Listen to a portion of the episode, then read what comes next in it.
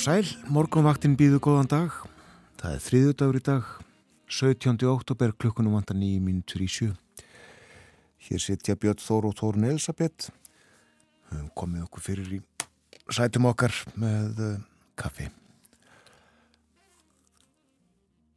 Við hugum að verinu og uh, sjáum á kortinu stöðu, kortinu frá því klukkan 6 að það er nokkuð svalt á landinu sérstaklega fyrir norðan 1, 2, 3 gráður eitthvað soliðis ögn hlýra sunnan fjalla en bara ögn. Einna hlýjast í Reykjavík 60 að hitti 8 metrar skíjað það var svolítil rigninga kvanneri klukkan 6 í morgun. 5 stíða hitti þar á 6 metrar austanátt. 3 gráður í Stikisholmi og 9 metrar skíjað þryggjastega hitti á Patrísfyrði og 11 metrar. Tvær gráður í Bólungavík, lítilsáttarryggning, 7 metrar, suðaustanátt. Tveggjastega hitti á Hólmavík, það ringdi. Lítilsáttarryggning á Blönduósi, þryggjastega hitti.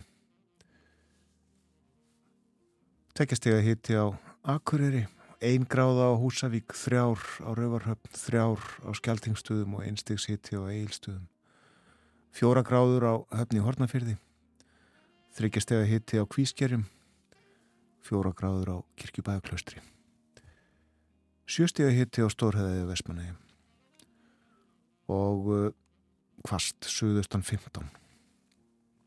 Regning, 5 stig í Árnesi, lítilsáttar regning þar og uh, vindur, suðustan 8.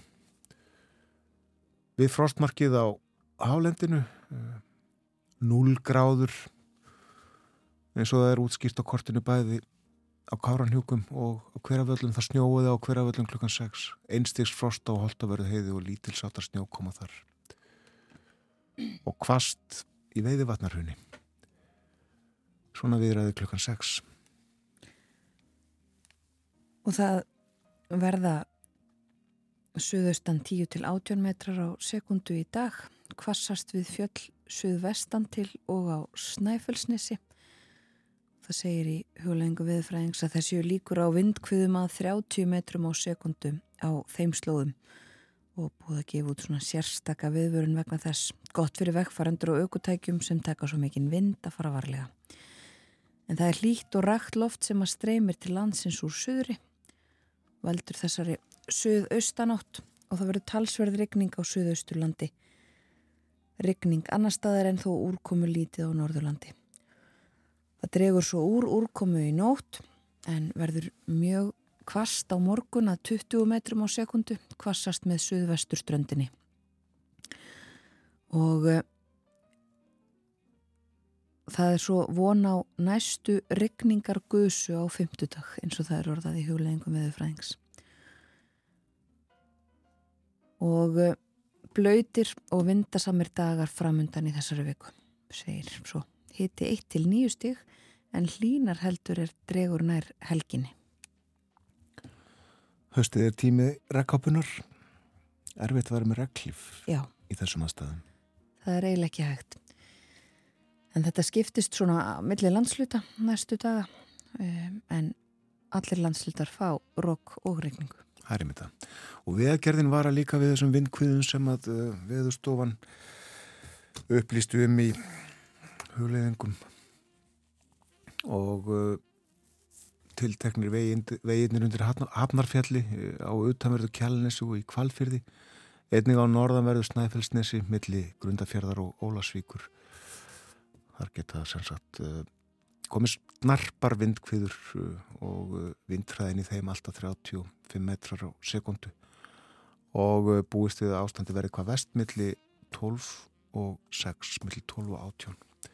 Annars er vetrar færð víða um norðanvertlandið og það er hálka á fróðarheiði, hálkublettir á holtaförðaheiði, snjóþekja norður í árnesrepp, hálkublettir á heiðum á vestfjörðum, til dæmis á Stengrisfjörðarheiði, Þröskuldum, Háldón, Gemlufalsheiði og á raunar öðrum fjallvögum.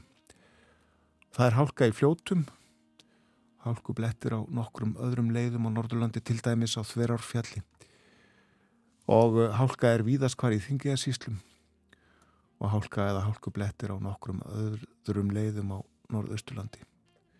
Snjóþekja á Dettifossvegi. Það er hálka fyrir austan, til dæmis á Fjardarheiði, Fagradal, Jökuldal, á Borgafjörðavegi og yfir Vaskarð Istra. Hálkublettir á öðrum leiðum, ófært á Öksi og Breitalseiði. Og uh, verðist góðlega með færðina á Suðurlandi, einnig Suðausturlandi. Svona eru aðstæðir í landinu þennan morgunin. Ímislegt á dasgrá þáttarins, við förum ítalega yfir hana eftir fréttinnar sem að koma eftir tæpar fjórar mínútur en uh, ef ekki að setja eitt lag undir gíslan. Við skulum gera það. Við lustum á Louis Armstrong To You, Sweetheart, Aloha.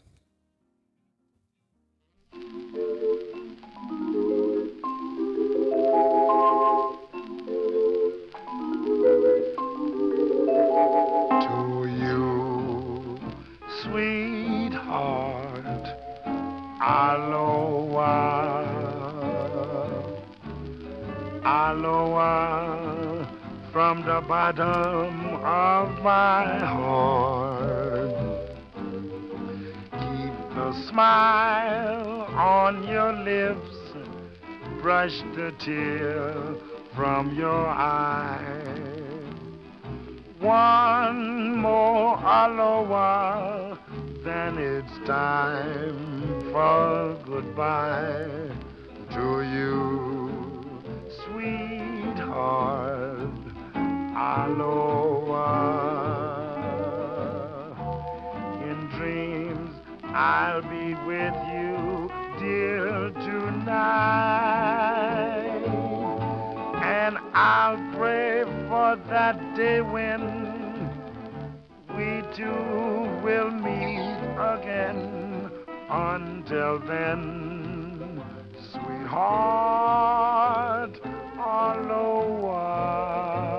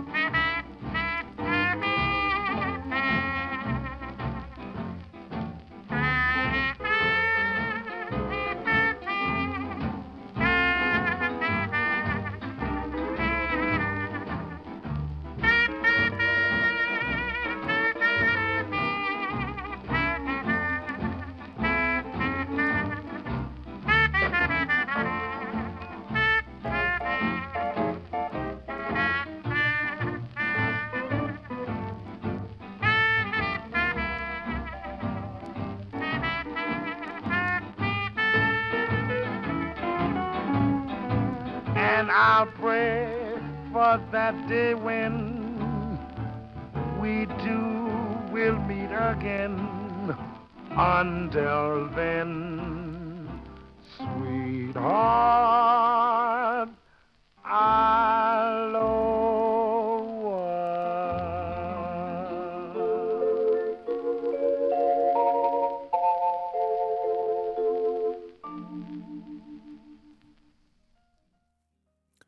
Þetta var Louis. Fyrsta lagið sem við leikum á morgunvaktinni þannig morgunin. Hljóðritað 1936 eftir því sem við komumst næst. Frettir eru næstar á dagskrá. Við förum svo ítalega yfir dagskrá morgunvaktarinnar að þeim loknum.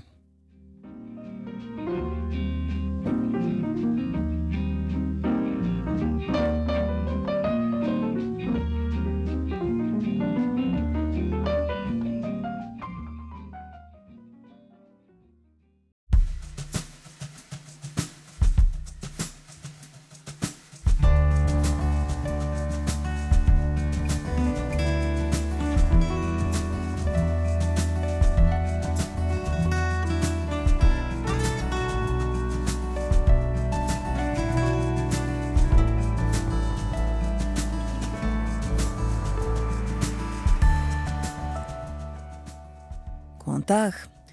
Morgunvaktin heilsar þriðu daginn 17. oktober.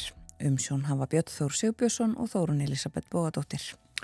Við förum yfir dagskrána Þórðursnar Júliusson verði með okkur upp úr hálf átta og við ætlum í dag meðal annars að tala um leikumarkaðin en uh, eigendaskipti eru að verða um það byrj 1600 íbúðum. Sérhæft Erlend legufélag selur og lífur í síðutni kaupa. Við metum líka stöðuna er varða sölu á eftirstandandi hlut ríkisins í Íslandsbanka. Það er forgangsverkefnið að selja, segir nýr fjármálaráþara.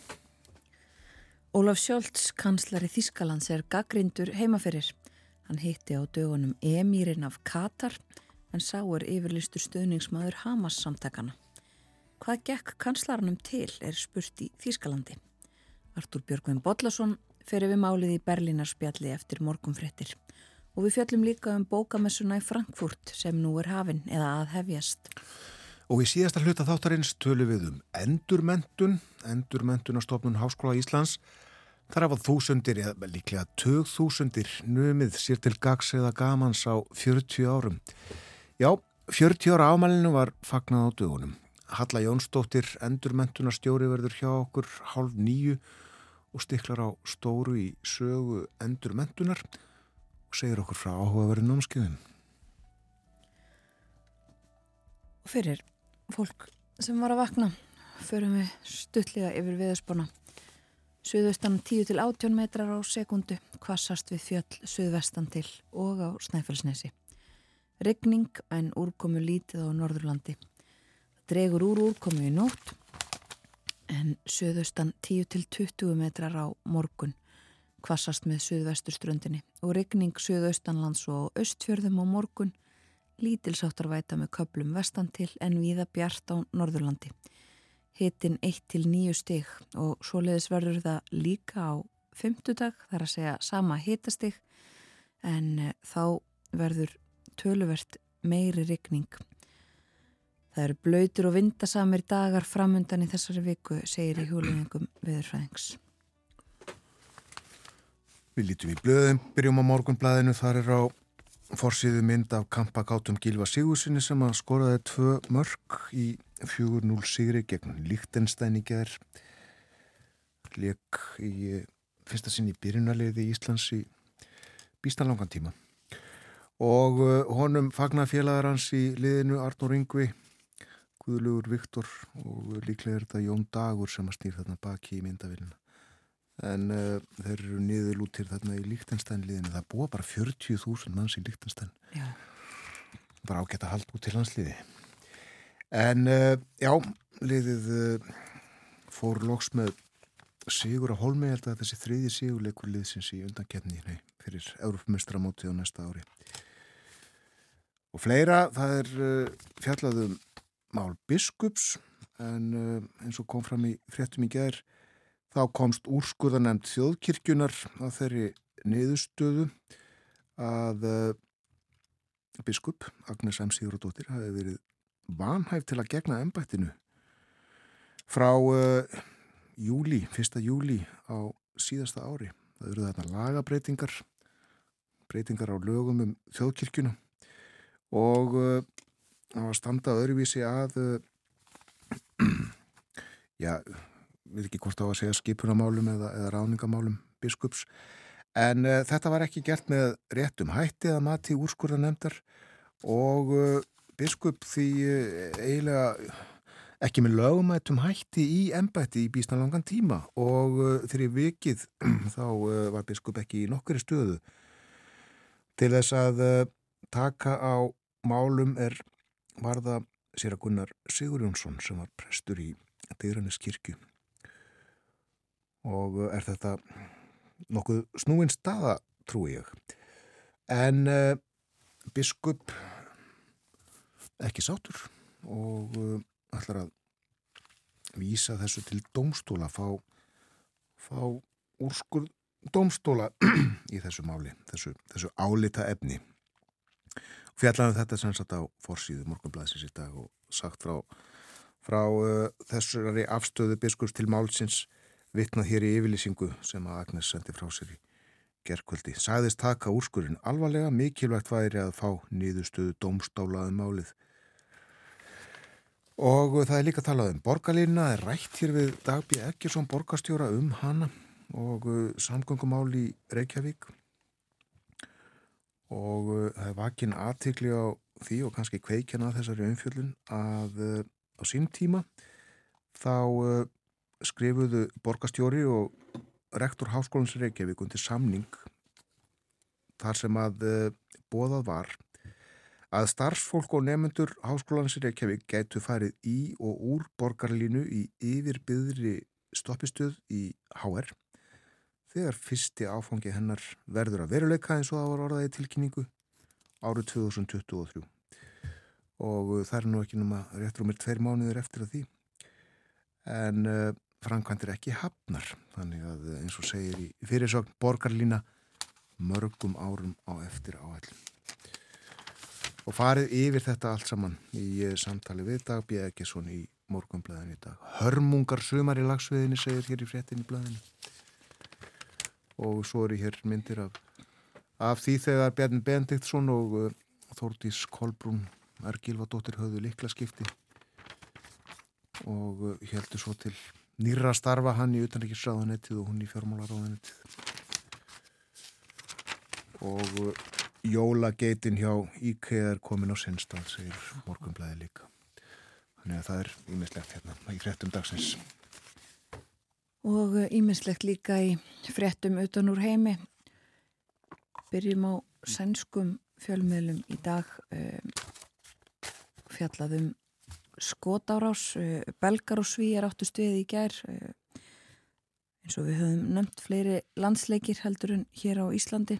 Spilaði í Brussel. Spilaði í Brussel um, og uh, það var framinn árás sem að uh, rannsökuðir sem hriðiverk árás um, árásamæður sem skaut uh, tvo svíja í sænskum landsliðsbúningum. Aðdóðandur liðsinn sem hefði fyllt því líklega til Brussel uh, til bana og særði þann þriðja.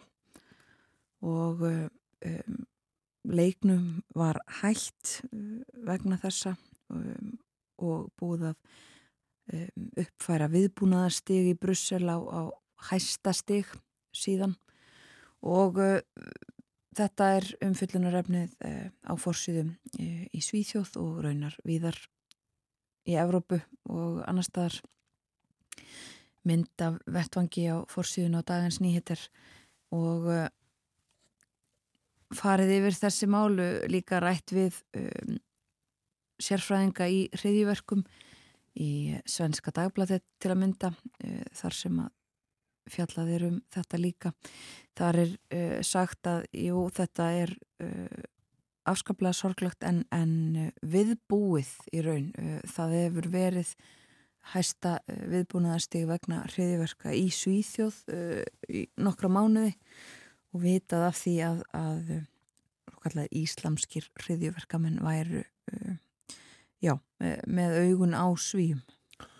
Björn Malkvist, frettamár okkar í Brussel komin á vettvang þarna í frettanum klukkan tíu í sjónvarpinu í gerð. Já, og sagt frá því núna í morgunsárið sem ekki þetta ratar á fórsýður bladana að það hafi maður verið skotinn um, í leit lauruglunar að árásumanninum því að hann flúði vettvang um, en búið að segja frá því núna að það hafi um, í þessari leit maður verið skotinn ekki búið að staðfesta að það hafi verið árásar maðurinn en uh, fjallaðum þessi mál hjá viða uh, árásar maðurinn grunaði uh, 45 ára gammal Karl frá Túnis. Já, það er vitað hver líklega var þarna að verki. Já, hafið byrt af sér myndband á samfélagsmiðlum áður en að eða í tengslum við þessa þessa árás og þetta já ratar á fórsíðunar í Svíþjóð aðrar fréttir af málum heima fyrir þar. Það var aldrei einlega fleiri undir átjónara aldrei verið í haldi lauruglu og í, í varðhaldi. Og margir þeirra í einangrun og það helgast ekki síst af því að það er bara ekki gert ráð fyrir þessu í uh, kerfunum sænsku. En uh, í Danmörku þá er aðtillisverð frétt uh, sem ég ætla að nefna fórsíðun á politíken. Um, það hefur verið gefin út einhver svona tilskipun eða svona rætt um það að ráðherrar í Danmörku þeir þurfi að halda sér frá nýjum sjónvörpum og svona snjall hátölurun vegna þess að það er óttast að hægt sér að nota þessi nýju tæki sem að eðulega uh, tengjast internetinu til þess að hlera fólk og uh, því uh, verði fólk í þessum háu stöðum að ræða málinn annar staðar heldur en í návi við svona tæki Já. og uh, þar er líka uh, mynd á fórsíðun af Simon Kjers um, landslýsmanni Danirnir eiga leik í uh, kvöld á móti San Marino og geta komist á Evrópumót um, eftir þennan leik fyrir eftir því hvernig gengur. Og uh, meira af uh, varðhaldsmálum, það er fjallað um þetta já í uh, sænskum fjölmjölum ungt fólk í varðhaldi og það er líka uh, fjallað um fangilsismál í Breitlandi breskum fórsuðum það að vegna þess að fangilsi í Breitlandi séu yfirfull að þá séu útlut fyrir að föngum verði sleft snemma úr haldi. Annars eru stórumálinn í breskum fjölmjölum af um, alþjóðamálum af um, stöðunni á Gaza og í Ísrael uh, og það má segja um fleiri, uh, fleiri fjölmjöla annar staðar líka bandarísku blöðunum og uh, í fjölmjölum í morgunsárið. Það hefur nú verið staðfest að Joe Biden bandaríkifórsiti hann ætlar að fara í heimsókn til Ísrael. Ætlar að ætlar að fara þangað á morgun. Antoni Blinkan auðaríkisráð þeirra er á þessum slóðum og e, þetta er talin áhættu sem ferð fyrir bæten e, geti bröðið til begja vona. Hann, en hann ætlar að fara þarna til þess að sína Ísraelsmönnum stuðning en líka vegna þess að og bakvið tjöldin er mikið verið að reyna að vinna einhverju laust á skelvilegum aðstæðum fólksins á Gaza og sagt í fjölmjölum í morgun líka að bandarísk og ísraelsk stjórnvöld séu að vinna að áætlunum að koma mannúðar aðstóð inn á Gaza Segjum þetta gott af erlendum fréttum í byli Fjöllum þá um Rútin Þór þannig að ég var að blada í frey í gerð mánaðaritt um landbúnað þjóðhagsfræði og verslun. Ég var með tölblaður 5. árgangi nóanberheftið 1908 og þar var grein eftir Sigurgeir Sigursson aðsend. Sigurgeir var bóndi á öngulstuði með eða fyrir langa við líklega Jóhannesar Geiss sem var á alþengi um tíma og hann sendi Frey greinarstúf, svo hljóðandi. Ég hef séðað að Freyr hefur öðru hverju flutt lýsingar og jáfnvel líka myndir af skeppnum og álítið þann mjög rétt þegar um vel góðar skeppnur er að gjöra eða þær sem að einhverju leiti skara fram úr. Ég vil því lega mér að senda blaðinu fáorða lýsingu af vetrargömlum hrút sem já. Hrútur þessi hefur allt til þessa tekið óvanalega bráðum og miklum þroska eftir því að dæma sem ég þekki til. Hrút þennan keipti ég í fyrra höst af Páli Bónda Jónssoni á Þórustöðum í Kaupangsveit. Hrúturinn var dilkur og viktaði hann þá um fyrstu göngur 110 pund.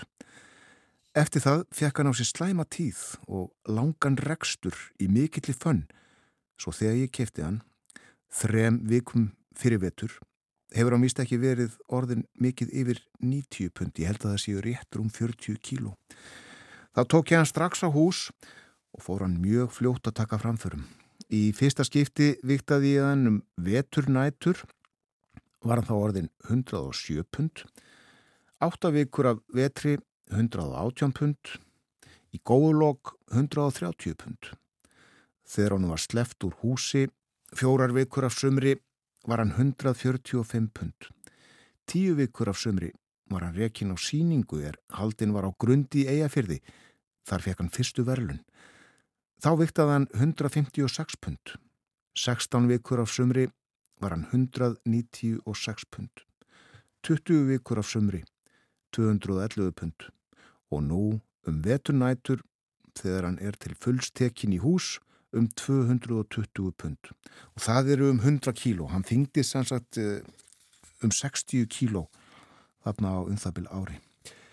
Þess skal getið að þessir hútur var síðastliðin vetur fóðraður með þremur öðrum hrútum á fyrsta vetur sem líka voru dilkar. Þeir höfðu til fóðus úthei en til drikjar oftast skýrmisu saman við vatn. Tvo af þessum hrútum mínum rakið til afréttar í vor en eitt þeirra leti ganga heima með þór, svo kalla ég þennan aðkeifta hrútminn. Ekki get ég með vissu sagt um hvort þessi hrútar sem heima gengu hafi þar fyrir fengið meiri þunga en heldur fjarlæðist þór hinnar hrútana meira yfir sumarið en veturinn, enganlega þá sem í afrétt voru reknir. Þessir þrýr Heimaöldu hrútar mínir viktuðu nú á sama tíma og Þór var síðast viktaður 165 til 170 pund. Þarna munaði sem sagt tölu verðu.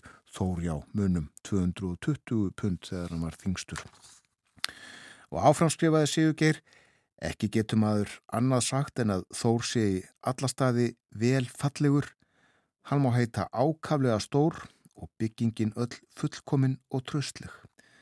Hann hefur sérlega stort og fallegt höfuð, mjög mikið gullt, ull hefur hann vel þykka en ekki sérlega síða. Hann hefur sérlega hörkulegan svip, en það er hann mjög illskiptin við aðra hrúta, hvort sem þeir eru yngri eða eldri. Úr frey, nógumberheftinu 1908. Hlustum þá aðeins meiri tónlist. Heyrum lag sem heitir Love Me or Leave Me. Þetta er Lester Young og Teddy Wilson kvartettin.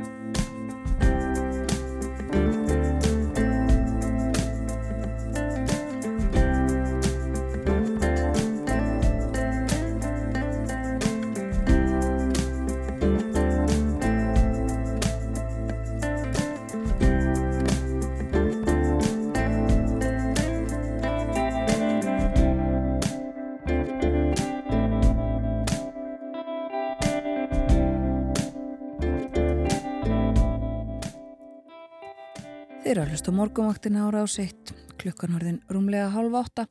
Það er þriði dagur í dag, 17. oktober. Og uh, það verður leiðinda veður víða um land. Uh, kvast, kvassast við fjöll suðvestan til og á Snæfellsnesi. Alltaf 30 metrar á sekundu í vindkviðum á þeim slóðum. Annars suðaustan 10 til 18 metrar á sekundu. Það verður regning en úrkomi lítið þó á Norðurlandi. Dregur úr úrkomi í nótt, verður áfram eða aftur kvast á morgun söðustan 10-20 metrar á sekundu, kvassast með söðvestur ströndinni. Regning söðustanlands og austfjörðum á morgun, lítilsáttar væta með köplum vestan til en víða bjart á Norðurlandi. Á fymtudag er hins vegar eh, vona á næstu rigningargusu eins og það er orðað í hugleðingum viðfræðings og áfram þá kvast að 20 metrum á sekundu. Og svipa viður á förstu dag sem sagt eh, blöytir og vindasamir dagar.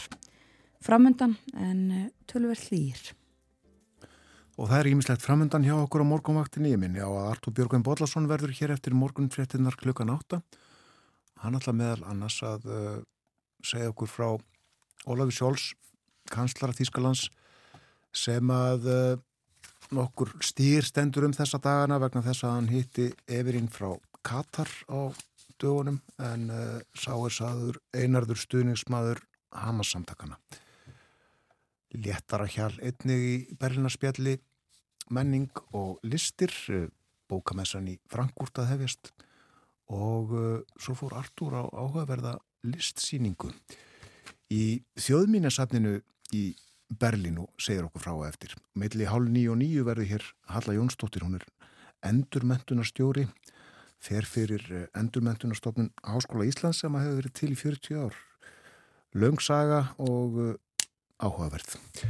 En uh, Nú er komin til okkar Þórðusnar Júliusson, rittstjóri heimildarinnar við fjöldum um efnahag og samfélag með Þórði á þriðutarsmórnum á morgunvaktinni og ímislegt á atriðaskráni hjá okkur en uh, Þórður, við ætlum að byrja á uh, ringferð um það byrj 1600 íbúða á Íslandi úr og í íslenska eigu.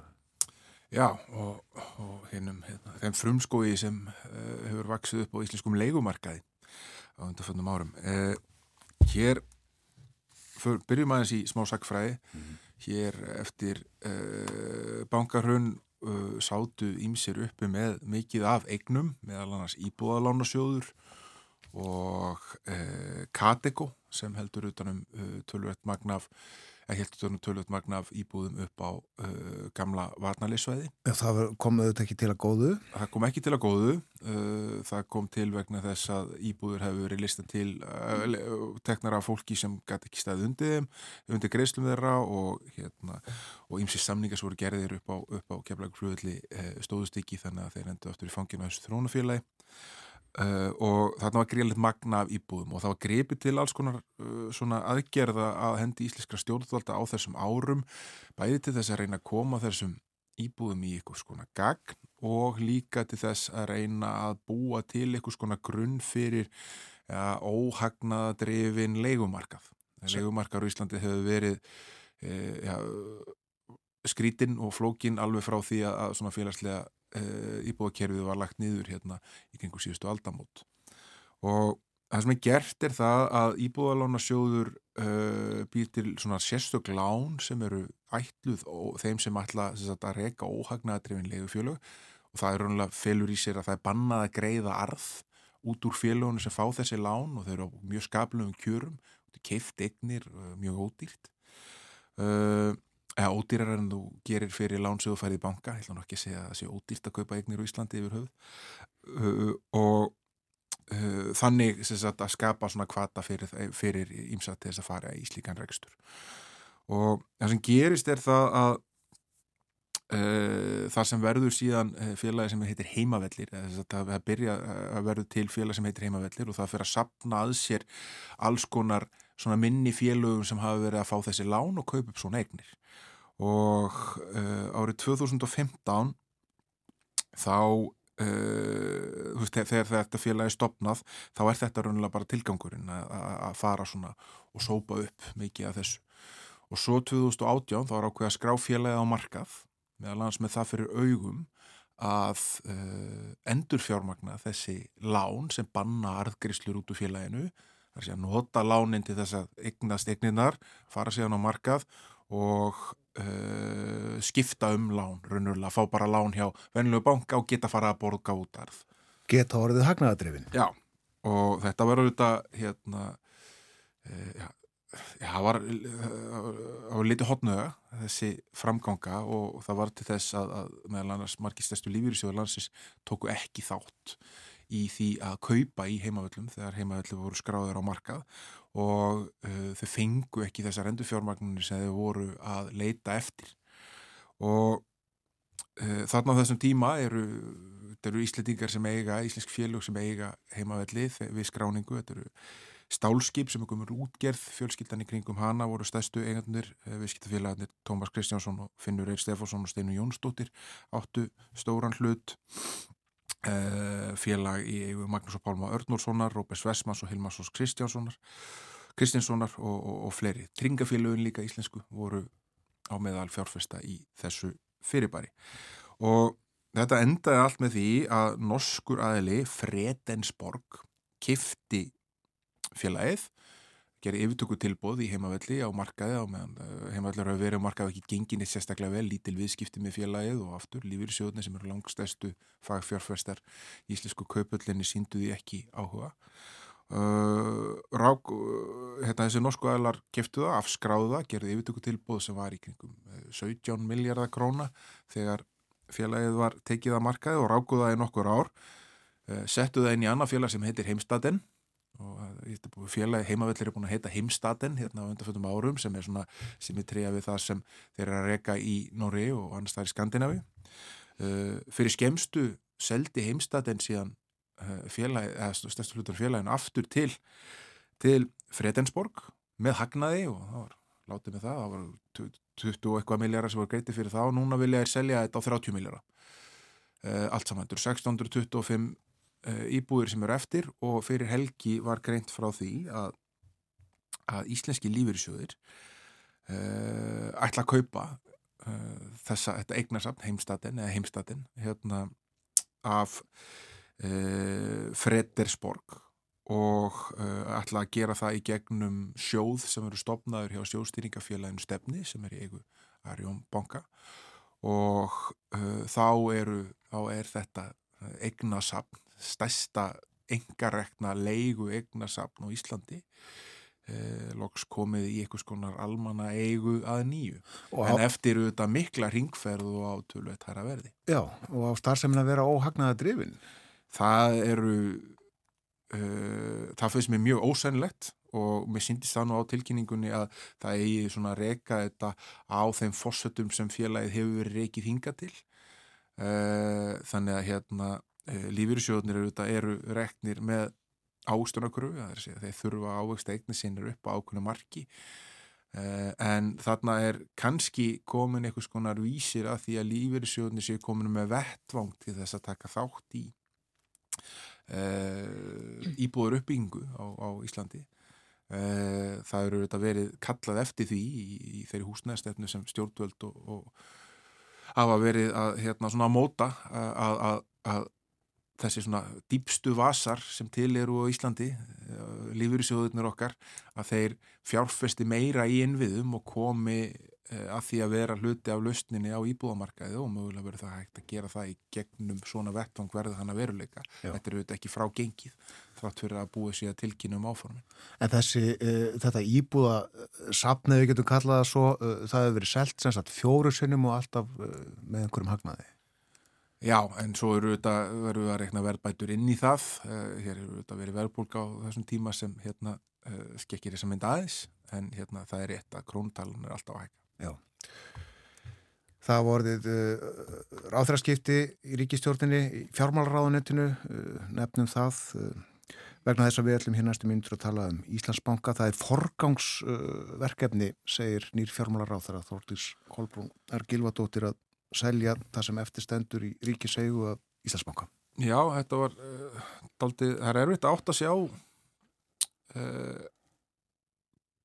hvað er að gerast svo maður segi það bara upp átt eh, Þórdís Kolbrún sagði það líka og allir oddvitar stjórnáflokkana væru í takt með það að þetta væri einhvers konar forgansverkefni Bjarni Bendiktsson myndist sérstaklega á það að hérna, eina ástafan fyrir því að hann var að stíga til hliðar væri svo að, að, að veita því brautagengi að hægt væri að klára bankasöluna sem væri uh, mikið forgansverkefni fyrir hann líka en, en svo þegar er rætt við fósetssaráðar að þá uh, er hún talar hún ekki alveg á sömu nótum, hún sagði til dæmis í viðtalið við heimildina um helgina eftir bladamannafundin að e, það þurfti að draga mikla lærdóma að þessu ferli og það var ekki hægt að halda áfram að óbreytu og það væri e, enn tölvert í það, talsveit langur vegur í það að það væri hægt að fara að, að skoða að ræða framhaldið á þessari sölu.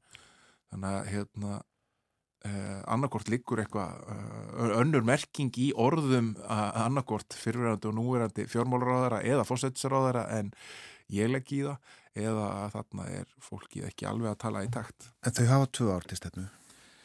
Já, þau hafa tvö ár til stefnu samkvæmt því hvernig kjörtímbilið á að, að, að leggjast út. Það áut að stopna hérna nýtt fyrir bara í félagasísluna sem við hefum rætt hér áður sem á að taka við verkefnum bankasíslunar og, verist vera svo fasi að leggja niður bankasíslu ríkisins í hafin, búið að skiptum stjórn í, í bankasíslunni og, og uh, frumvarpum félagsísluna og koma fram á næsta ári og þá verður einhver eignir, uh, einhver eignar hlut og þá færið þángaði inn og væntalega uh, settur upp einhvers konar vísir að Uh, hérna, næstu skrefum um það að losum eignarhaldið á uh, fjármálufyrirtækjum sem heimild er fyrir í fjárlögum.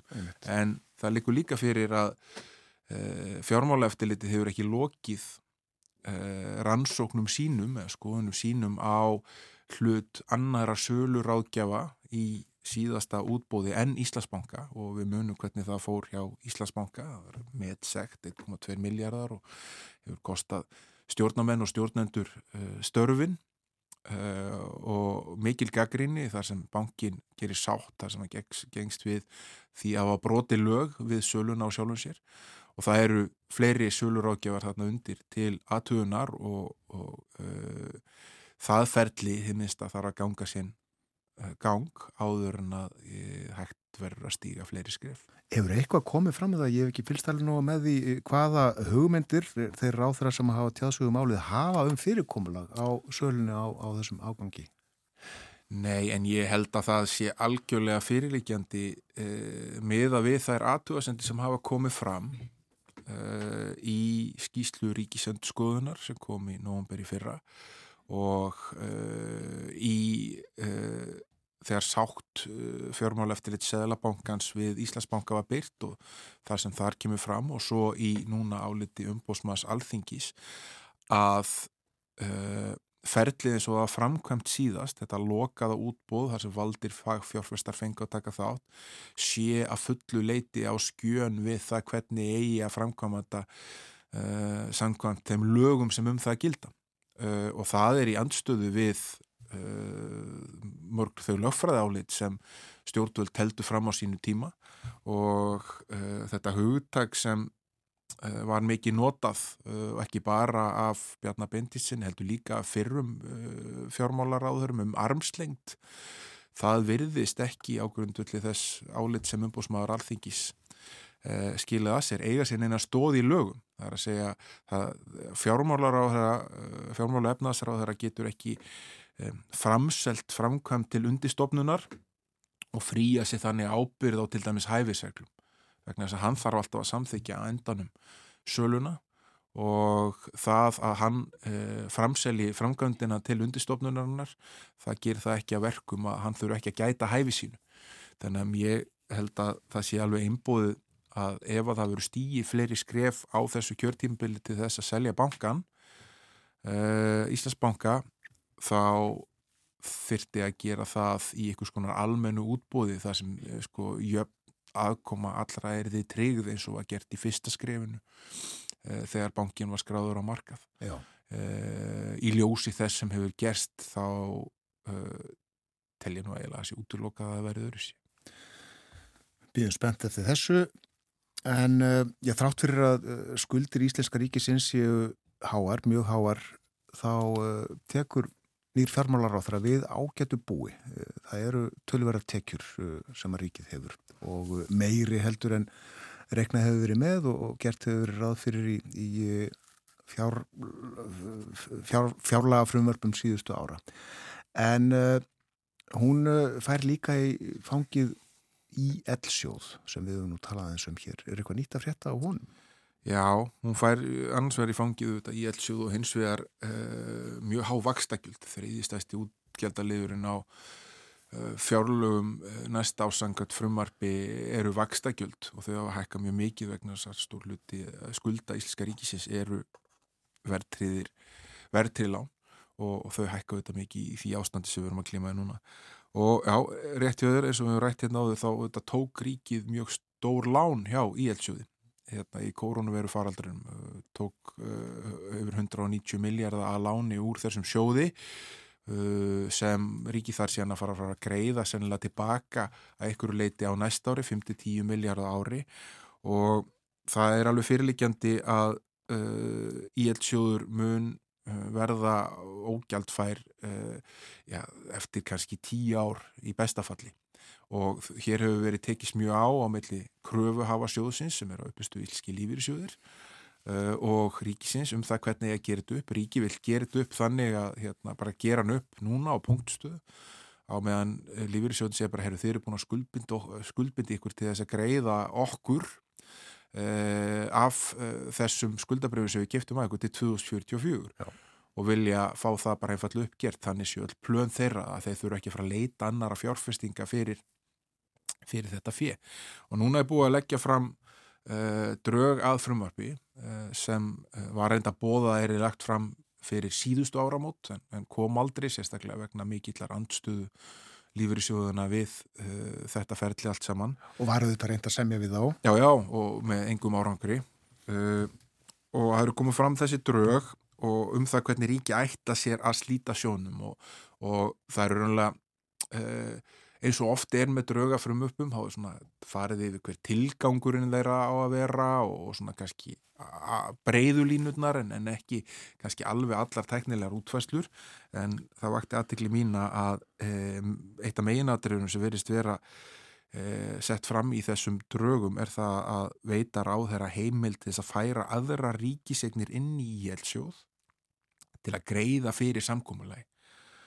og það er ekki tildegi hvaða eignir það eru en þá þá verist vera að, að það sé vilji hjá núverandi stjórnvöldum að svona setja kirsuber á kökuna til þess að reyna að draga uh, lífyrsjóðun aftur að borðinu og semja við þá með því að færa þeim einhverja aðra eignir sem gæti haft einhver ávöxtun. Og þá getur maður að fara að velta fyrir sig hvað eignir það getur verið hérna. Áðan endur við Íslandsbanka. Já, ég meina það er auðvitað ein eign sem hérna er uh, er til staðar í eignasafni uh, ríkisins og það er mikil vilji hjá hjá núverði stjórnvöldum að minnst að kosti hluta þeirra eins og við fórum yfir á hann fyrrverandi og núverandi fjármálaráður og flokks þeirra að koma eignarhaldinu á fjármálafyrirtækjum úr ríkisegu og þar sem Íslandsbanki skráður á markað þá hérna, uh, er kannski ekkert uh, uh, eru þau kannski ekki rosalega frákverð því að, að láta minnst hluta þessari egni í, í Íslandsbanka inn í þetta ferli. Já. Svo skulum við líka ekki gleyma því að það er heimild í fjárlöfum til að selja alltaf 30% af landsbankanum sem er endar ekki skráður á markað. Einmitt. En hlutabref uh, í, í böngum uh, eru, eru nú þegar í eignarsöfnum lífriðsjónun alltaf bæði í Íslandsbanka og í Arjónbanka. Rétt og þeir eru Og kviku líka kannski. st- stærstir, eh, stærstu eigendur hérna, uh, að Íslandsbanka þannig að það eru þetta takmarka, það er- hámarka á því hvað, hvað sjóðir sem uh, eiga uh, skuldabref á IL sjóð uh, get, gætu tekið af slíkri svo eru bara að koma að ljós hvort að það sé okkur aðrar hugmyndur á undir, okkur aðrar ríkisegnir sem okkur skortir hugmyndaflugt til þess að lenda á hér í þessu samtali sem uh, hugmyndir eru um að, að- að setja inn í þetta samkómulag. Segjum þetta gott í dag. eh, Þakkaði fyrir komuna Þórðusnar Júliusson. Við eh, spjöllum hér næst eftir viku á kvennafrídeginum. Konum, tölum þá kannski meðal annars um konur í, í stjórnarstöðum við gerum það stundum. Og alltaf er, er niðurstaðan svo sama. Þær eru ótrúlega fáar og fjölgalítið. Meirum það setna. En uh, það stýttist í fréttinnar hjá okkur uh, komið til rúmar sjö mínútur eftir þær verður Artur Björgum Bodlason með okkur Berlínar spjall á nýjunda tímanum og uh, klukkan hálf nýju þá verður hér Halla Jónsdóttir, hún er endurmentunar stjóri fer fyrir endurmentun Háskóla Íslands sem að fagnaði á dögunum 40 ára ámæli. Pólitíki var aðeins nefnt hér og uh, förum þá yfir það að uh, þingfundur hefst 13.30 hálf 2 í dag, uh, störf þingsins fyrsta mál á dagskrá og svo fer fram sérstökum með það um slísasleppingar í sjókvíaldi og málsæfjandi er Lilja Rannveig Sigurgistóttir, hún er þingmaður framskognarflóksins og til ansvara verður Svandi á þeirra. Og að þessari umræðu lokinni þá eru nokkur þingmannamál á dagskrá, uh, til dæmis eh, breytingar á almennum hagningalögum sem að Lógi Már Einarsson vill gera um samfélagsþjónustu ungra brotamanna. Inga Sæland er með mál og mæli fyrir því um breytingar á húsalegulögum og uh, svo mælir Andris Ingi Jónsson fyrir uh, máli sem hefur það heiti í málaskrá alþingis breyting á ýmsum lögum til að bæta stöðu kynsegin fólks og þetta snýst um nöfn og skilríki og fleiri mál einnig nefndirnar, nefndirnar funda fyrir hátegi allt með, allt með nokkuð hefðbundum hætti á alþingi okkar Íslandinga þennan daginn.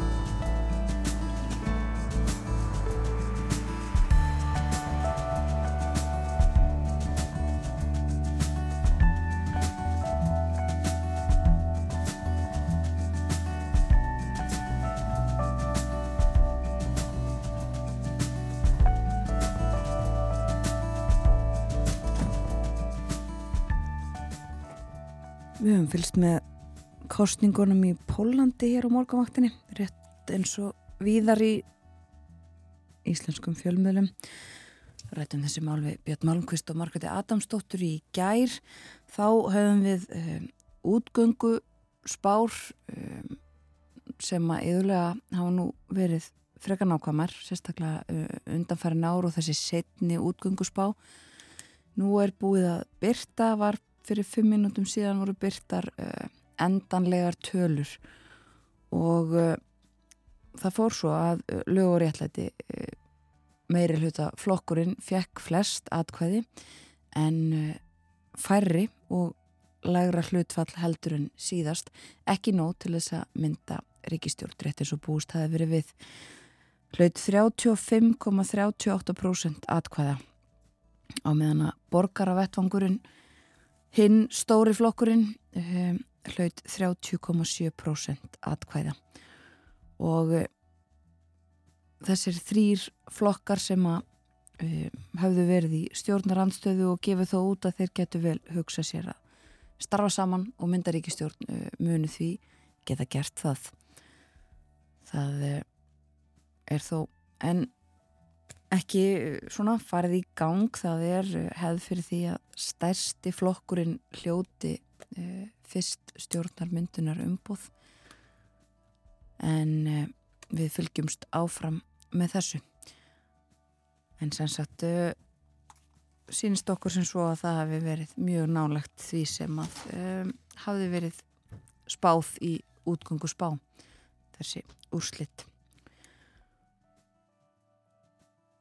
Það líður að frettunum, morgun frettir koma frá frettastofunni klukkan 8. Svo verður með okkur Artúr Björgum Bodlason, Berlínar spjallið á sínum stað á morgunvaktinni og í síðasta hlutu þáttarins þá ræðum við um endurmyndun Halla Jónsdóttir verður gestur okkar þá.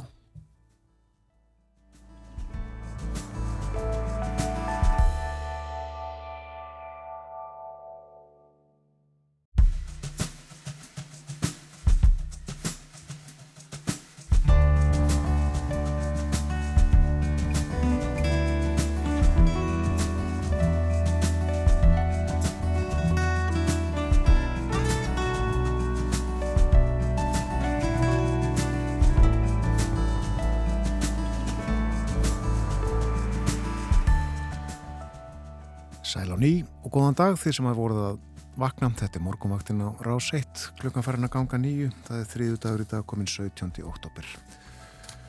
Þóruðusnar Júliusson haldin út í daginn en uh, von á eftir 25 minútur eða svo höllu Jónsdóttur, endurmentunastjóra Háskóla Íslands, endurmentunin fagnaði 40 ára afmæli eða afmæli. Endurmentunar var fagnaði síðustu viku. Við ætlum að uh, spjalla um söguna og öll námskeiðin en uh, nú er hins vegar komið að vikulegum lið, förstum lið hjá okkur í þættinum Berlínar spjalli Og uh, með okkur Artúr Björgvin Bodlason, góðan dag Artúr Björgvin. Góðan daginn. Við ætlum að ræða ýmislegt um, pólitíkin kemur við sögu og menningin um, byrjum á að uh, tala um uh, Ólaf Sjólds kanslara og uh, hans já, hans mál síðustu daga hann fekk heimsókn sem vakti mikla aðtili Já, það var ekki löst við það og það maður gerir ráð fyrir að Ólaf Sjólds hafi oft tekið á móti gestum sem voru þótti vennum að taka móti heldur en þeim sem kom til hans í heimsókn á 50 daginn í síðustu viku.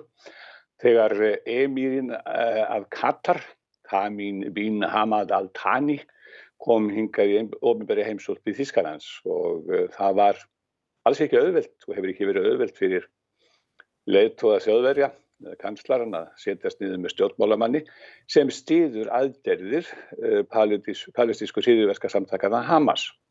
Og það örfáum dögum eftir að samtökin höfðu ráðist inn í Ísrael og, og myrkt þar fjölda manns og brettar borgara og það þarf auðvitað ekki að hafa mörg orðum samstöðu þjóðverðar með Ísraelsmönnum þeir hafa heitið því að verja Ísraels menn og geðinga við öllum þeim ráðum sem að þeim eru tiltæksi að þeim sótt og af sögulegum ástöðum sem er eitt ástöð til að fara mjög út í hinn en e, þess vegna bröðust þísk stjórnvöld mjög harkalega við fjöldamorðum Hamas. E, fyrir tíu dögum og héttu vinum sínum í Ísrael fullum stöðning í baröttu við hriðverkarsamtökinu og svo mæti sem sagt uh, þessi emir til Scholz bara þegar þetta er ný afstæði og uh, það má sem sagt uh, nefna líka að það er líður í samstöðum í Ísraelsmönnum að Anna-Lena Berbok utanrikiðsraðura voru í heimsótt Tel Aviv í síðustu viku og í dag mun Ólaf Scholz kanslari fljúa til Tel Aviv til þess að ræða við Ísraels stjórnmöld og það ætlar hann svo að halda til Egiptalands. En svo við komum nú aftur að, að heimsókn emisins af Katar. Þá uh, var sjálf spurður að því á þinginu hvernig stæða því að hann verið að taka móti þessum leittóa Katar akkurat á þessari stöndu á þessum vondu tímum. Og þá sagði hann að ástæðan fyrir því að hann tækja móti einmitt þrátt fyrir uh, hörmungar ástandi sem ríkti á þessum slóðum, segja Östurlandun nær, þá var hún í svo að, að hann teldi rétt að ræða við leittoga eins og þannig um þetta Emír, því að hann var eitt af manna sem hefði aðstöðu til að hafa raunverulega áhrif á aðgerðið Hamas. Þetta er uh, kata styrkir og stiður þessi hriðiverka samtök og uh, þess vegna sagði Scholz, það er sko betra fyrir okkur að ræða við slíka menn heldur en að, heldur en að, að aðbóða þá og auðvitað hefur Scholz í þessum uh, viðræðum við, við Emirinn farið uh, með honum í það að uh, þjóðverjar leggja nú höfuð áherslu á að, að frelsa þjóðverjana sem eru í hópi gíslana sem að sem að Hamas uh, samtökinn tóku og hafa í haldi. Og það er gert ráð fyrir að menn telja þessu átta þýski ríkisborgarar uh, í haldi Hamas samtakarna og Scholz, eins og ég sagði, hann er að fara þanga í dag til Ísæðis og hann ætlar þar að ræða meðal annars við ættinga þessara þýsku gísla. Mm.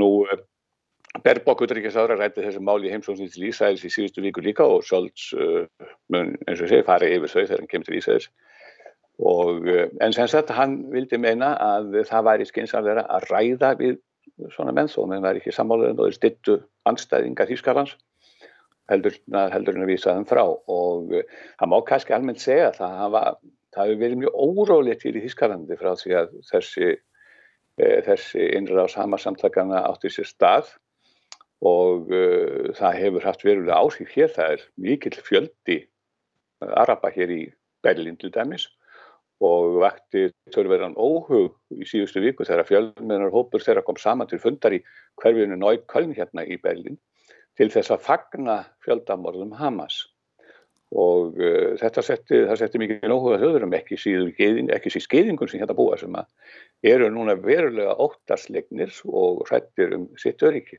Já. og í kjálfæri ákvöðu borgarífylgsir í Berlin sem að var heldur ekki auðvitað að, banna slíka samkomur. Hér ríkir hérna taka menn uh, fundafrelsi mjög alvarlega.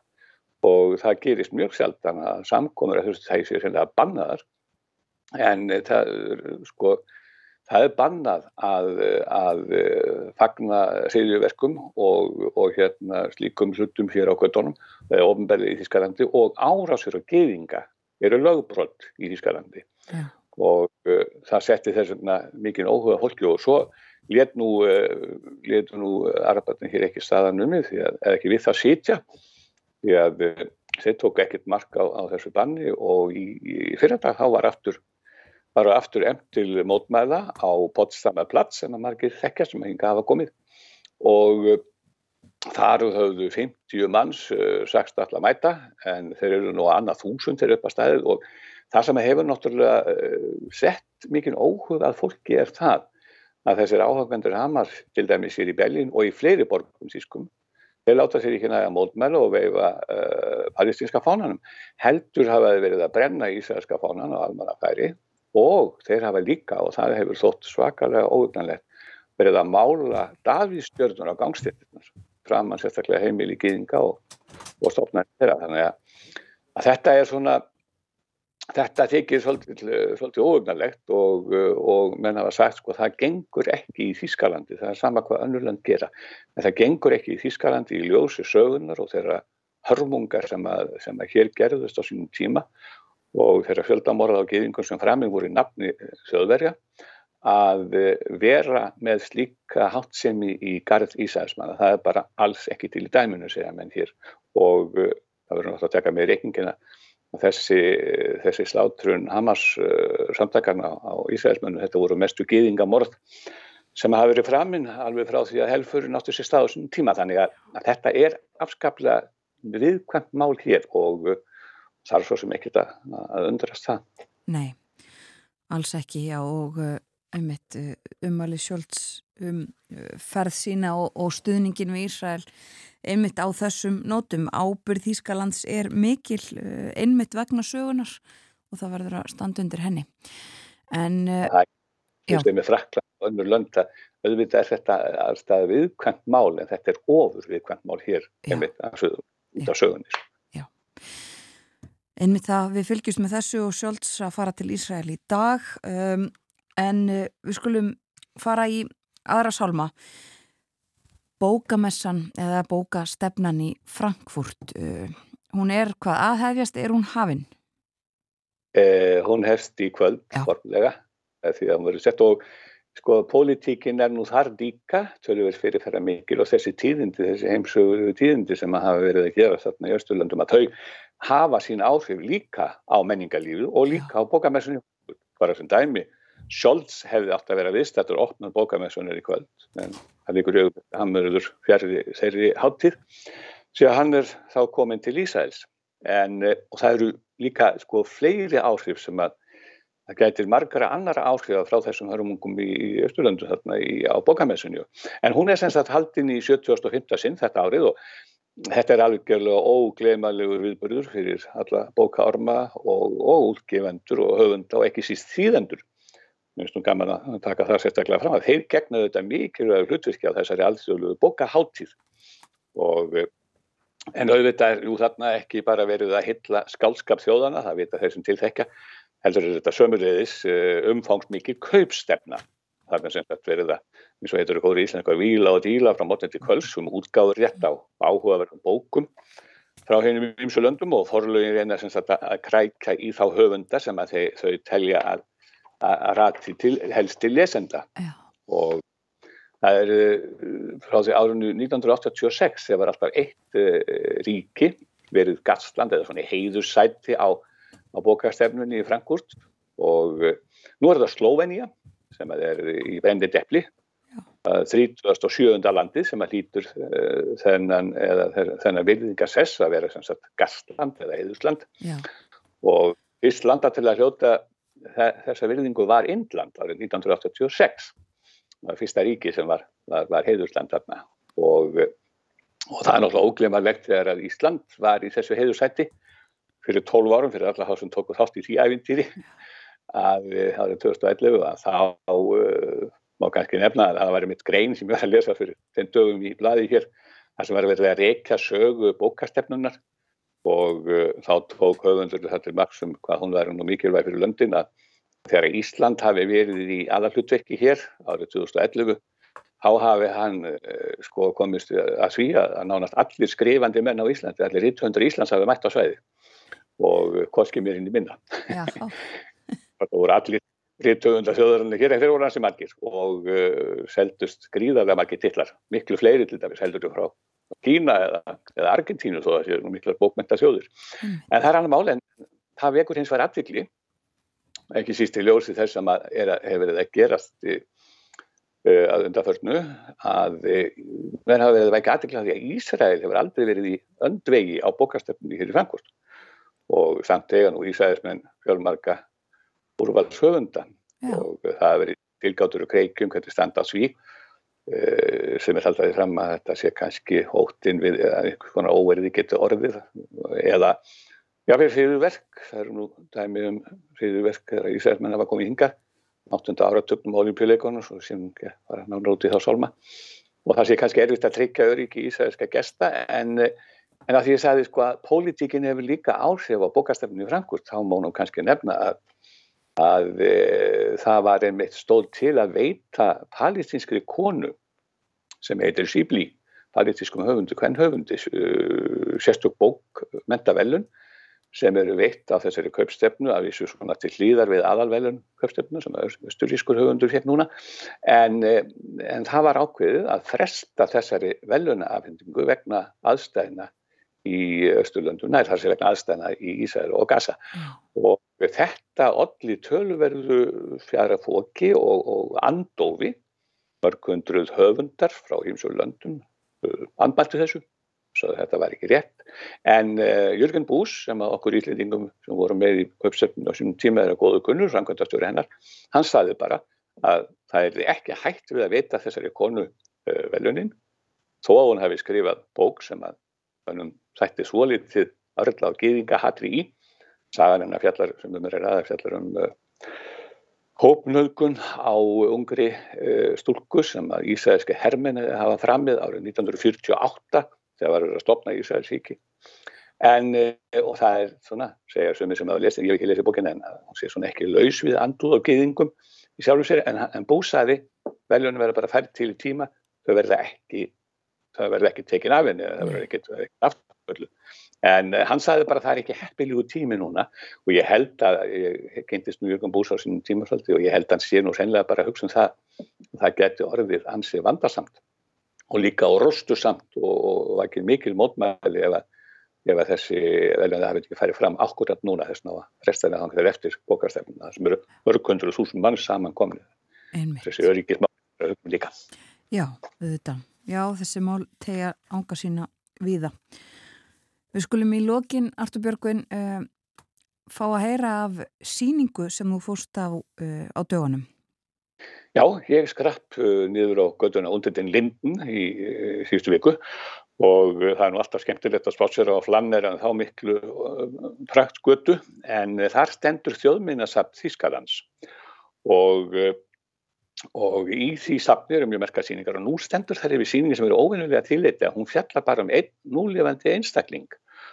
Og hún fjallar um Wolf Bírmann sönga skaldið þekta sem að ólst upp í eða var bjóður sem tími í Östu-Þískalandi og var reikinn út úr Östu-Þíska alþjóðlífildinu og bara vísað brott það árið 1976 og settist það að hérna fyrir vestan.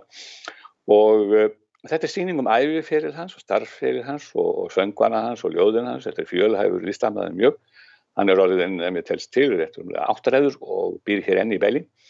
Og þetta dregin upp ekki bara mjög áhugaverð mynd af uh, hans æfi og starfsferli og tónlistarferli heldur líka af því pólitíska ástandi sem ríkt í alþjóðlífildunum sálu að það sem að voru það var mjög víða potturbrotin sem miður og þarna til dæmis er farið í sögmanna á því hvernig uh, ríkislauruglan hann að Stasi fræga yllur enda uh, fylgdist með ferli hans og, og hans fjölskyld og hans vinn og vandamanna. Þannig að uh, þetta er svona svolítið um leið upprifjun á á því sem átti þessi stað og fór miður í östuði skalfylg en, en Bírmann var einlagur sósialist á sínum tíma og hann dreymdi um mennskan sósialisma sem því miður var ekki gerður að veruleika í alþjóðlífildunni. En, en þetta er mjög áhugaverð síning, hún stendur held í alveg í janúar þannig að þeir sem koma hinga og hafa áhuga fyrir þískri sögu ættu endilega að lappa niður undir den lindin á milli hallanna og þá miklu praktgötu og, og bregða sér inn á síninguna því hún er mjög upplýsandi og áhugaverð. Já, og ég um ekki að ljúka spjall okkar í dag á því að um, heyra lag Ég lýst mjög vel að það. Og ég held að væri ekki betra að heyra en eitt lag heldur en lagið er mútikum eða kvartning sem er eitt af fræðustu lögum Bírmanns og þar segir hann Du lass dich nicht verherden in dieser harten Zeit þar að segja ekki láta herða þig þó tíminn það séu vondur og ekki láta ekki verða beskur þó þú séu skelvilegir og ekki verða hrettur og ekki láta fara illa með þig og ekki segja það í hel sem þarf að tala um. En þetta er kvartningarljóð og eitt af hans fræðustu lögum. Passar vel. Takk fyrir spjallið í dag Artúr Björgum Bollarsson Takk sem ég leiðis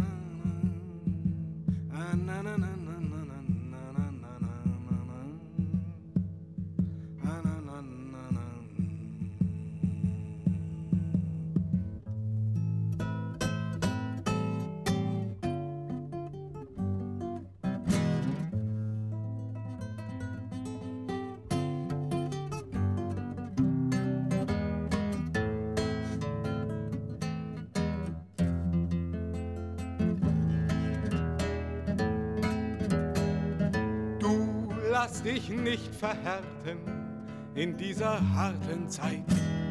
Die allzu hart sind, brechen, die allzu spitz sind, stechen und brechen ab sogleich und brechen ab sogleich.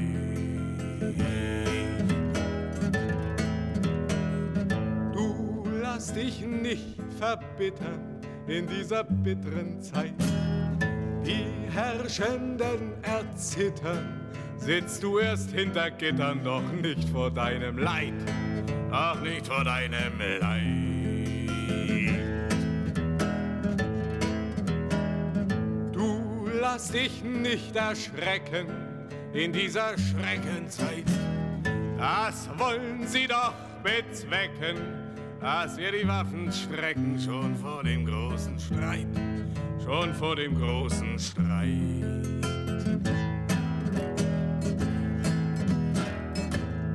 Lass dich nicht verbrauchen, gebrauche deine Zeit. Du kannst nicht untertauchen, du brauchst uns und wir brauchen grad deine Heiterkeit, grad deine Heiterkeit. Wir wollen es nicht verschweigen in dieser Schweigezeit. Das Grün bricht aus den Zweigen, wir wollen das allen zeigen, dann wissen sie Bescheid. Dann wissen sie Bescheid.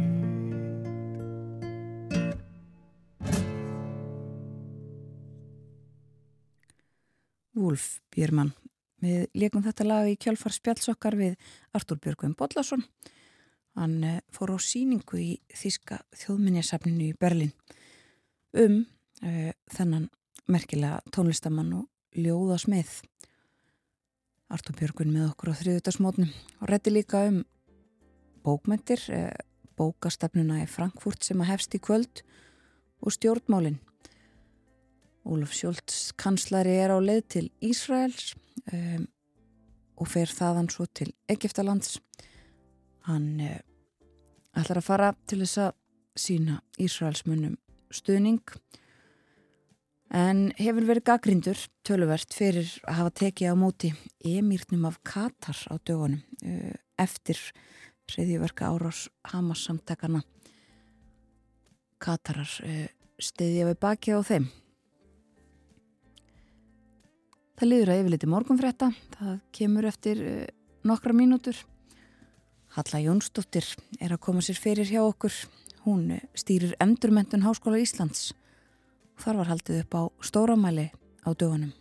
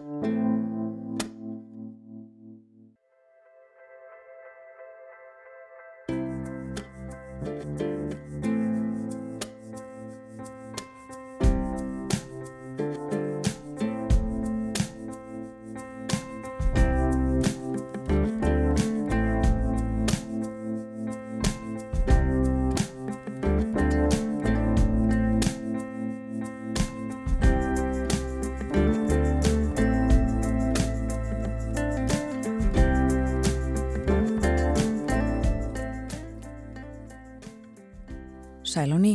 Þetta er morgumaktin á rás 1. Klukkan orðin liðlega hálf nýju þannig þrjúðutast morgun og síðasti hluti þáttarins framundan hjá okkur. Og uh, fyrir þau sem voru að vakna þá uh, eru veðurhorfurnar þannig að það er hlýtt og rakt loft sem að streymir til landsins úr söðri. Því verður söðaustanátt á landinu í dag yfirleitt á bylunu 10 til 18 metrar á sekundu og enn kvassara í vindstrengjum við fjöll suðvestan til og á Snæfellsnesi. Þar geta hviður farið í 30 metra á sekundu og því gott að fara varlega sérstaklega vekkfarendur og aukutækjum sem taka á sig mikinn vind. Það voru talsverði rigning á Suðausturlandi í dag en von á einhverju rigningu í öllum landslutum þó úrkomu minnst á Norðurlandi. Það dregur úr úrkomu í nótt en vonir á næstu rigningar guðs og fymtudag og uh, þó það drægur úrkominni þá dreigur ekki úr vindinum. Það verður kvast á morgun og næstu daga en í veðri.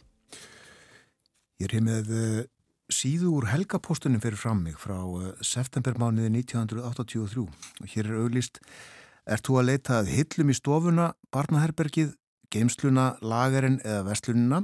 Þetta er lausnin furu hillur, stofu hillur á geimslu hillu verði. En þetta er nú ekki aðalmálið, það sem ég ætlaði að segja frá. Og lesa úr þessari síðu, úr helgapostunum, er fréttimilliðina. Þjóðfélagi breytist hratt og hverskins nýjungar rigna yfir okkur á öllum sviðum.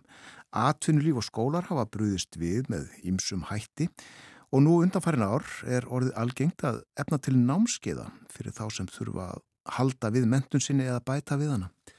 Háskóli Íslands og Tækniskóli Íslands hafa tekið upp samvinnu við Ímis stjættafjölug háskólamentaðara manna um endurmentun.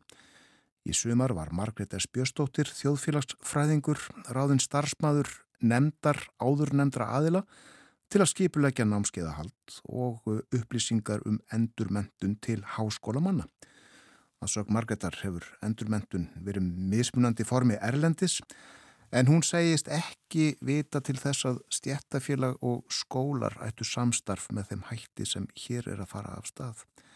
Fyrsta námskeiðið verður nú í september og fjallar um tölfur og gagnavinnslu og þau næstu verða um tölfur í yðnaði og ljósliðara tækni. Þá verður fólki bent á þau námskeið sem eru á kennslu skrá háskólans og tækniskólans og nýst geta sem viðbót við fyrirmyndun. Margaret S. Björnsdóttir sagði að þessi námskeið er þið nánarkynnt í bladi BHM og fréttabrifum verkfræðinga og tæknifræðinga.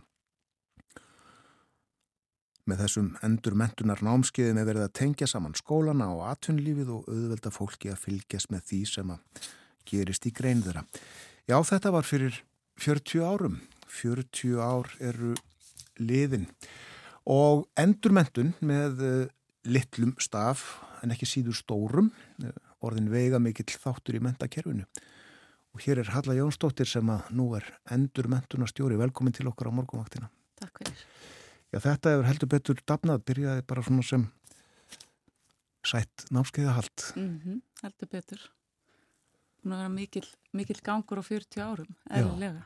Og uh, hvað, fáinni týjir sem að sóttu námskeiðin hérna fyrst eða hvað? Já, ég held að fyrsta ári hafi verið 64 þáttakendur og þá auðvitað faraðu á staðannum haustið og svo bara vindur þetta ansi rætt upp á sig 1990 voru orðinir 3000 þáttakendur hjá endumentun þannig að og í dag, já, á síðast ári voru 6000 sem að koma í hús til okkar Þannig að áður en 40 árum hafa 20.000 að fara í gegnum hjá okkur. Já, mjög margir komið við. Já. Og er... margir koma oftar en einu sinni. Já, einmitt. Mjög margir holl vinnir sem að koma og, og vilja alltaf halda áfram að læra. Já, bara ár eftir ár. Já. Já. Og uh, eins og við uh, fórum yfir, sko, þá er þetta fyrst uh, hugsað sem endur mentun, þetta er hugsað sem hagnýtt nám fyrir fólk í atvinnlífinu. Já, þetta er, þetta er hugsað þannig, upphaflega náttúrulega er, er tengingin þannig. Svo hefur þetta nú þróast náttúrulega á þessum 40 árum og, og í dag má segja að frambóðu sér bæði, jú, hafa nýtt uh, nám fyrir fólki í atvinnulífinu, bæði nám og, og styrtir í námskeið. En svo erum við líka bara með fróðleik og, og almenna, almenna fræðslu fyrir öll sem hafa áhuga. Já, og það má uh, skilja þessa frétti í helgapósturinn 1983 þannig að, að uh, endur mentun sem slík hafi verið að koma fram þarna? Já, það hljóma svolítið þannig og, og greinlega komin mikill hraði í, í þjóðfélagi á þessum tíma, ekki hefur hann og mingað. Nei. Þannig að, já. Og má skilja einmitt að, að, að það hef ekki síst verið tölvurnar sem að verið til þess að fólk þurfti að setjast aftur á skólabekk. Já, það, það hljómar þannig og þessi fyrstu námski snúast um tekni og tölvur. Já, en uh, svo breyting orðið auðvitað á í þessu að, að megin regla var svo að, að fólk fór bara í háskóla eftir mentarskóla lærði í þrjú, fjögur, fimm ára eða hvað það var og, og fór svo ekki til skóla meira. Nei og á þessum tíma kannski líka verið að hugsa svolítið með um endurmentun sem eitthvað sem er bara fyrir háskólamenta í dag erum við öll að læra allt lífið og fólk sem er í háskóla er byrjað að bæta við sig einhverju aukarlega við það nám sem það er í áður en það útskrifast. Þannig að og, og, og svo bara við öll þurfum að, halda okkur vel við, bæði til að virka í atvinnulífinu en líka í lífinu. Eru ennþá þessi tengsl við atvinnulífið? Já, við vinnum ennþá nái með fagfélugum og erum í, þurfum auðvitað að vera í bæði tengslum við þau og, og fyrirtæki til að greina þarfinnar og vita hvaða er sem við höfum að vera að bjóða upp á atvinnulífinu til handa um, og svo auðvitað erum við í samstarfi við ímsa aðra aðila. Og það er alltaf stöðugt nýþörf fyrir, fyrir uh, upplýsingar að miðla upplýsingu til fólks? Já, ég myndi segja það. Sumt eru auðvitað standardar og er á alltaf við en það er alltaf að bætast eitthvað við. Hvað er helst sótt að þessu hagnýta? Uh, þar erum við með stjórnunanámskið til dæmis Svo erum við með fagtengda fræðslu eins og fyrir tiltekna hópa, til dæmis verkfræðinga og teknifræðinga. E, náttúrulega tölvutengt námskeið eru alltaf, alltaf í gangi og vel sótt e, og svo svona sérhæfðari efni og bara skjálastjórnun, e, staðlar og svo framvegis og svo framvegis. Sæður stjórnenda námskeið? Já, Já, við erum með töluvert úrvara af stjórnunanámskeiðum. Kenna fólki að vera yfirmenn? Já og, já, það má kannski orða það þannig. Það er mjög margt sem að, að skipti máli í stjórnunu þetta. Getur verið allt frá einhverju svona uh, skipulagstengtu og, og náttúrulega mjög mikið mannaustengt í dag. Skipti máli að, skilja hvernig, hvernig fólk virkar. Já. Þannig að, að það getur verið mjög uh, fjölbreytt fræsla sem að stjórnundu sækja það uh, kannski lærist ekki í, í verkfræðináminu eða virktafræðinu eða hjúkunarfræðinu eða hvað það er? Að einhverjum hluta, jújú, jú, sem betur fyrir farið að fletta stjórnun inn í mörg fög en, en það er, eru margir sem vilja bæta við sig í stjórnun eftir að þeir hafa sérhæft sig. Já. Þetta var um uh, gagnið tölum svolítið um gamanið. Já. Þessi öðruvísi námskið. Já. Þau eru alls konar. Þau eru sko alls konar og, og það er einlega það fjöl, mikil fjölbreytni hjá okkur og maður myndi halda allir ætti að geta fundið eitthvað sem er áhugavert og uh, það er mjög skemmt, bara skemmtileg flóra sem eru þetta að kynna sér á F-síðunni hjá okkur. En við erum til dæmis núna með á dagskrá uh, námskeiðum Napoleon framöndan sem Ítlu Jökulsson er með og uh, námskeiðum Fóbolta, Svíkráð og Pólitík sem Stefan Pálsson er með. Svo erum við með veðurfræði í tölsku gungulegðir á Reykjanesi, það er bara endalus flóra. Garðfuglar. Garðfuglar. Segi á síðan eitthvað. Já. Er... Og svo svona sérhæðri eh, efni eins og eh, ofbeldi nefnda á hefðunumandi. Já. Þannig að þetta er alls konar greinilega. Þetta, við þurfum að fylgjast rosalega vel með og, og vera með það efni sem að á erinda hverjum tíma. Já. Þess vegna skiptir þetta samtal við atvinnulífið náttúrulega öll máli. Og tungumál, þau eru vinsalið ekki? Jú, mjög ítalska og þessi söðrænu tungumál hafa verið að sækja mjög þessi veðri núna. Ítalska, portugalska, spænska. Mjög vinsæl. Já. Hefur þú uh, setið námskeið sjálf í endurmyndun? Já, ég hef nú gert það. Ég hef hérna ímis námskeið. Setið námskeið um engla til dæmis. Um engla? Já. Og ímislegt fleira. Ímis mannustengt námskeið. Þetta Fólk á uh, ekkert endilega neitt sammert sem kemur á námskeið hjá undamöndum. Þetta er fólk bara hérðan og það og nú samfélaginu og öllum aldrei eða hvað? Já, það, það er nefnilega mjög fjölbreyttur hópur sem sækir til okkar eh, en það sem er náttúrulega skemmtilegt sko að því þú talar um sammert er, er að hitta aðra sem hafa áhuga á sama hlut og þú og það gerir það eiginlega verkum að, að það að mæta á námskeið hjá okkur er líka félagsleg félag, þetta er félagslegu vettvangur fyrir þá sem hafa áhuga á því. Þannig að maður getur verið að hitta og hitta fólk sem hefur þennan sama áhuga, uh, skiptast á skoðunum og, og spekla og svo framvegis og við sjáum mörg dæmum það að fólk er að tengjast í húsinu hjá okkur. Það verður til vínátt að bara. Jafnvel, jafnvel. Fólk er mitt að koma þarna uh, í, í, í gaman hlutan uh, ótil neitt, kemur bara að hreinum áhuga. Já. Já. Svo getur náttúrulega líka á, á starfstengtu námskeifunum uh, myndast tengslanett mikilvæg. Þannig að Já, uh, um uh, 6.000 og hvað, 400 sæður eða ekki sem að voru hjá okkur á síðast ári? 6.000 á 6.000, síðast ári, já. já. Þar að voru 600 mann sem voru að sækja námsbrautir hjá okkur. Og þær eru 2-4 misseri og, og já, lengra nám í rauninni. Þetta skiptist kannski svona í tvent þess, þessi starfsemi hjá okkur, annars vegar lengri námsbrautir og hins vegar námskeið. Heldur að ennmunni fjölga hjá okkur næstu árum? Þetta sveiblast alltaf soldið þannig að það má alveg búast við því. Já. Ég held að þörfun sé að mist kosti ekki minkandi. Nei. Hvor, eh, bæði og þá bæði þegar litið er til þessara breytinga sem eru núna sennilega enn meiri en hann 1983 eh, en líka bara áhugi fólks og, og vitundum að þetta skiptir máli að halda áfram að læra. Og þá er það ekkit endilega skiptir kannski ekki alltaf öllu máli hvað það er, heldur bara að halda sér virkum. Og ég held að, að vitundinu það sé orðin miklu meiri. Já.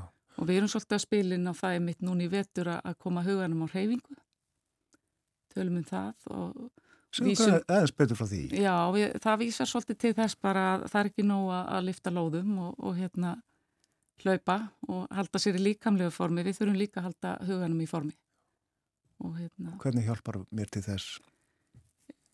hvernig námskeiðin hjálpa þér? Já, bara mæta á námskeið og Já, bara hvað sem er. já, læra, já, eitthvað, já. læra eitthvað sem þú hefur áhuga á og taka inn nýja hluti, hitta nýtt fólk, eiga samtöl og svo framvegis. Einmitt. Marga þýstir auðvitað í, í þekkingu og svo sækja þær í félagskap. Já, já, Já. Þannig að, að uh, það getur leitt ímislegt af sér að, að uh, mæta á námskeið um uh, engla, getur eignast kunningja, jafnvel vini og virkjað á þér kollin. já. Hljóma vel. Þakkaði fyrir að vera með okkur á morgunvaktinni Halla Jónsdóttir til hamingju með uh, 40 ára afmæli endumöntunar. Takk fyrir. Well,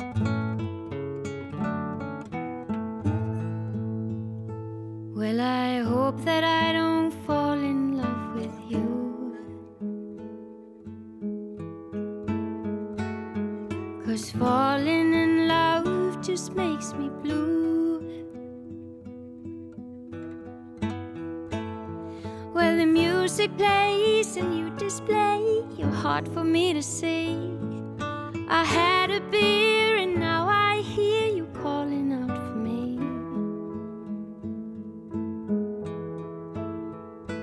And I hope that I don't fall in love with you.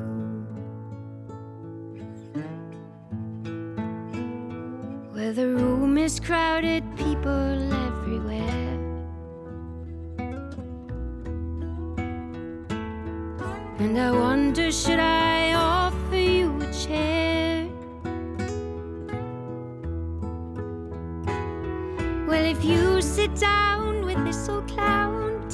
that frown and break it.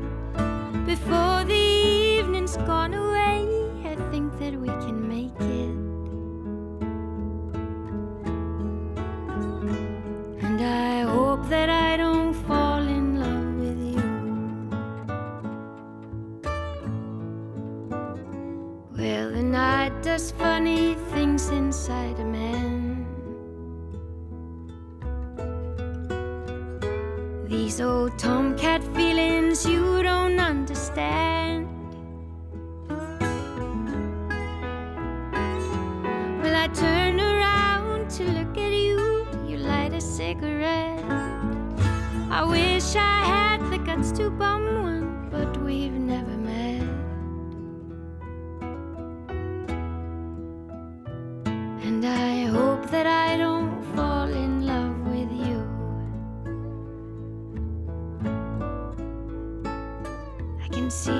you are lonesome just like me.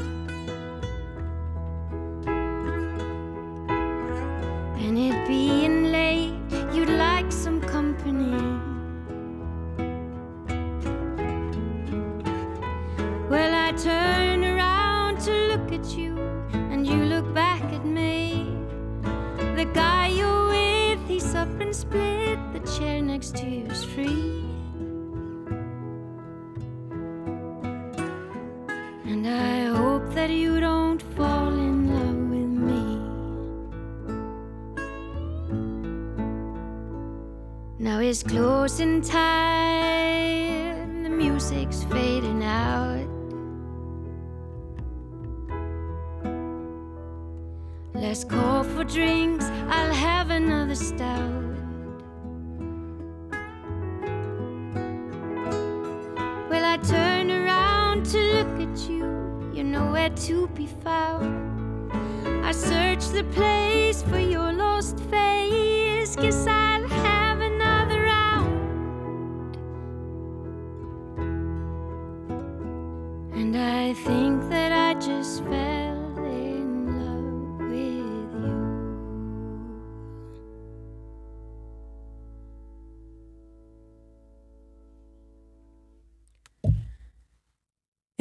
Emiliana Torini söng I hope that I don't fall in love with you Er þetta ekki Tom Waits lag upprunalega? Jú, ég er samt ekki vissum að það sé eftir hann en uh, hann flutti það og gerði það vinsælt. Einmitt. Líkum þetta eftir spjallokkar við Höllu Jónsdóttur, endurmöntunar stjóra. Stýrir endurmöntun Háskóla Íslands og sagði okkur frá um, starfseminni þar og svo litið um söguna líka var haldið upp á 40 ára afmæli endurmöntunar. Lásum upp úr fréttið að viðtali, eh, viðtali við Margretið Spjöstóttur sem var fyrsti endurmöntuna stjórin. Svo kom Kristín Jónsdóttir í Arvík og uh, nú er Halla Jónsdóttir endurmöntuna stjóri. Já, við töluðum aðeins um þingfund sem verður hér í dag á Alþingi en það er líka borgastjórnafundur. Fundur í dag á þriðutugum þá er fundaði borgastjórn og þar verður tekið fyrir eða er allavega á dagskráni eh, mál sem við heyrðum af í fréttum í gær. Líf Magnauðdóttir, borgarfulltrúi vinstri græna eh, allara eh, tala fyrir henni um það að bjóða bæjar yfirvöldum á Seltjarnanessi og í Mósfælsbæ til viðræðina um saminningu Saminningu þessara þreikja sveitafélag? Saminningu, uh, já, Reykjavíkur, Mósulsbæjar og Seltjarnanes líf bendir á það að, að þessi þrjú sveitafélag myndi landfræðilega hild uh, og það liggi vel við að, að, að gera þetta. Hefur yðurlega verið svona meira í umræðinni tillögur og, og, og saminningar viðræður smærri sveitafélaga en það eru þó auðvitað uppi rattir sem að vilja saminningu sveitafélaga á höfuborgarsvæðinu og uh, þetta væri skref í þá átt. Borgastjórn Reykjavíkur samþykir að bjóða Mósulsbæ og Seltjarnanesbæ til viðræðina um kosti þessa samin að sveitafélagin þrjú í eina öfluga held segir í tillögu lífar. Er ekki rétt munna hjá mér að uh, það var kosið um saminningu þessar sveitafélaga auku Kjálnes og Kjósarheps fyrir hvað, 25 árum eitthvað svo liðis? Það var fyrir 30 árum, það var árið 1993, jú, þú mannst það rétt. Um, og einmitt talað um það í greinagerð með þessari tillögu uh, að uh, það verði uh, þessi 30 ár liðin frá því að kosi varum saminningu þessari þryggja sveitafélaga og Kjallanes og Kjósarreps. Saminningar Reykjavíkur og Kjallanes varðað veruleika skömmu síðar og litli mótti muna að íbúar Kjósarreps hefðu samþygt saminningu. Stuðningu, seldirninga og mósvellinga var öllu minni. Og segir svo að mikið vatn hafi runni til sjávar á þessum 30 árum. Viðfangsefni hafi orðið fleiri og flóknari hjá sveitafélagunum og það auki þörfina á öflugum stopnunum og stóðkerfum. Og augufólks hafi líka opnast fyrir mikilvægi þess að það sé hægt að vinna skipulagsmálum og uppbyggingu samgangna á stærri svæðum. Og líkilatriði segir í lokin að koma umræðin af stað og nálgast verkefnið fordóma laust. Og þetta vakti nú strax svo litla aðtegli og umræðu. Ég sá strax í gær komnar skoðanagreinar á vísi þar sem að greint var frá þessu máli þar sem að e, e, þessu máli var fundið ímislegt til fóróttu. Já, já. Það er hægt að segja það. Við sjáum hvernig þetta fyrr, en uh, rifin þá upp að uh, nú eru átta dagar uh, liðni frá því að atkvaða greiðslaðum saminningu tálknafjörður og vestubiðar hófst og líkur atkvæða greiðslu með sérstaklega kjördegi 20. á 8. oktober en þetta fer fram sem sagt eftir nýjum lögum og reglum sem að heimila utan kjörfundar atkvæða greiðslu í þrjár vikur eða svo fyrir kjördag og það er bæði að mæta á bæjarskrifstofunar á Tálknarfyrði og uh, í Vesturbygð og uh, einnig panta til sín færanlega kjörstaf á bíl Einmitt. í hlaði hjá sér meira hugsað samt fyrir fjölmunari vinnustæði. Já, einmitt það og uh, já, þessu líkur 28. oktober sem er fyrstri vetrardagur vill svo til. Já, um, ímislegt um að vera í samfélaginu við rættum þetta já Eh, líka það er eh, þingfundur og alþingi við höfum líka verið að fylgjast með uh, málum utan úr heimi og uh, bæði vona á uh, kanslara Þýskalands og fórseta bandaríkjana til Ísraels í dag og morgun höfum rætt þessi mál um, og svo er líka fleiri leiðtógar á faraldsvæti Vladimir Putin, rúslandsforseti, er komin til Kína. Það er allar hann að funda með eh, Xi Jinping forseta Kína. Þeir uh, allar að ræða saman og uh, munu líka tala um, um, um stöðumála í innrás rúsa í Úkrænu. Uh, þessi tvö ríki hafa talað stert núna gegn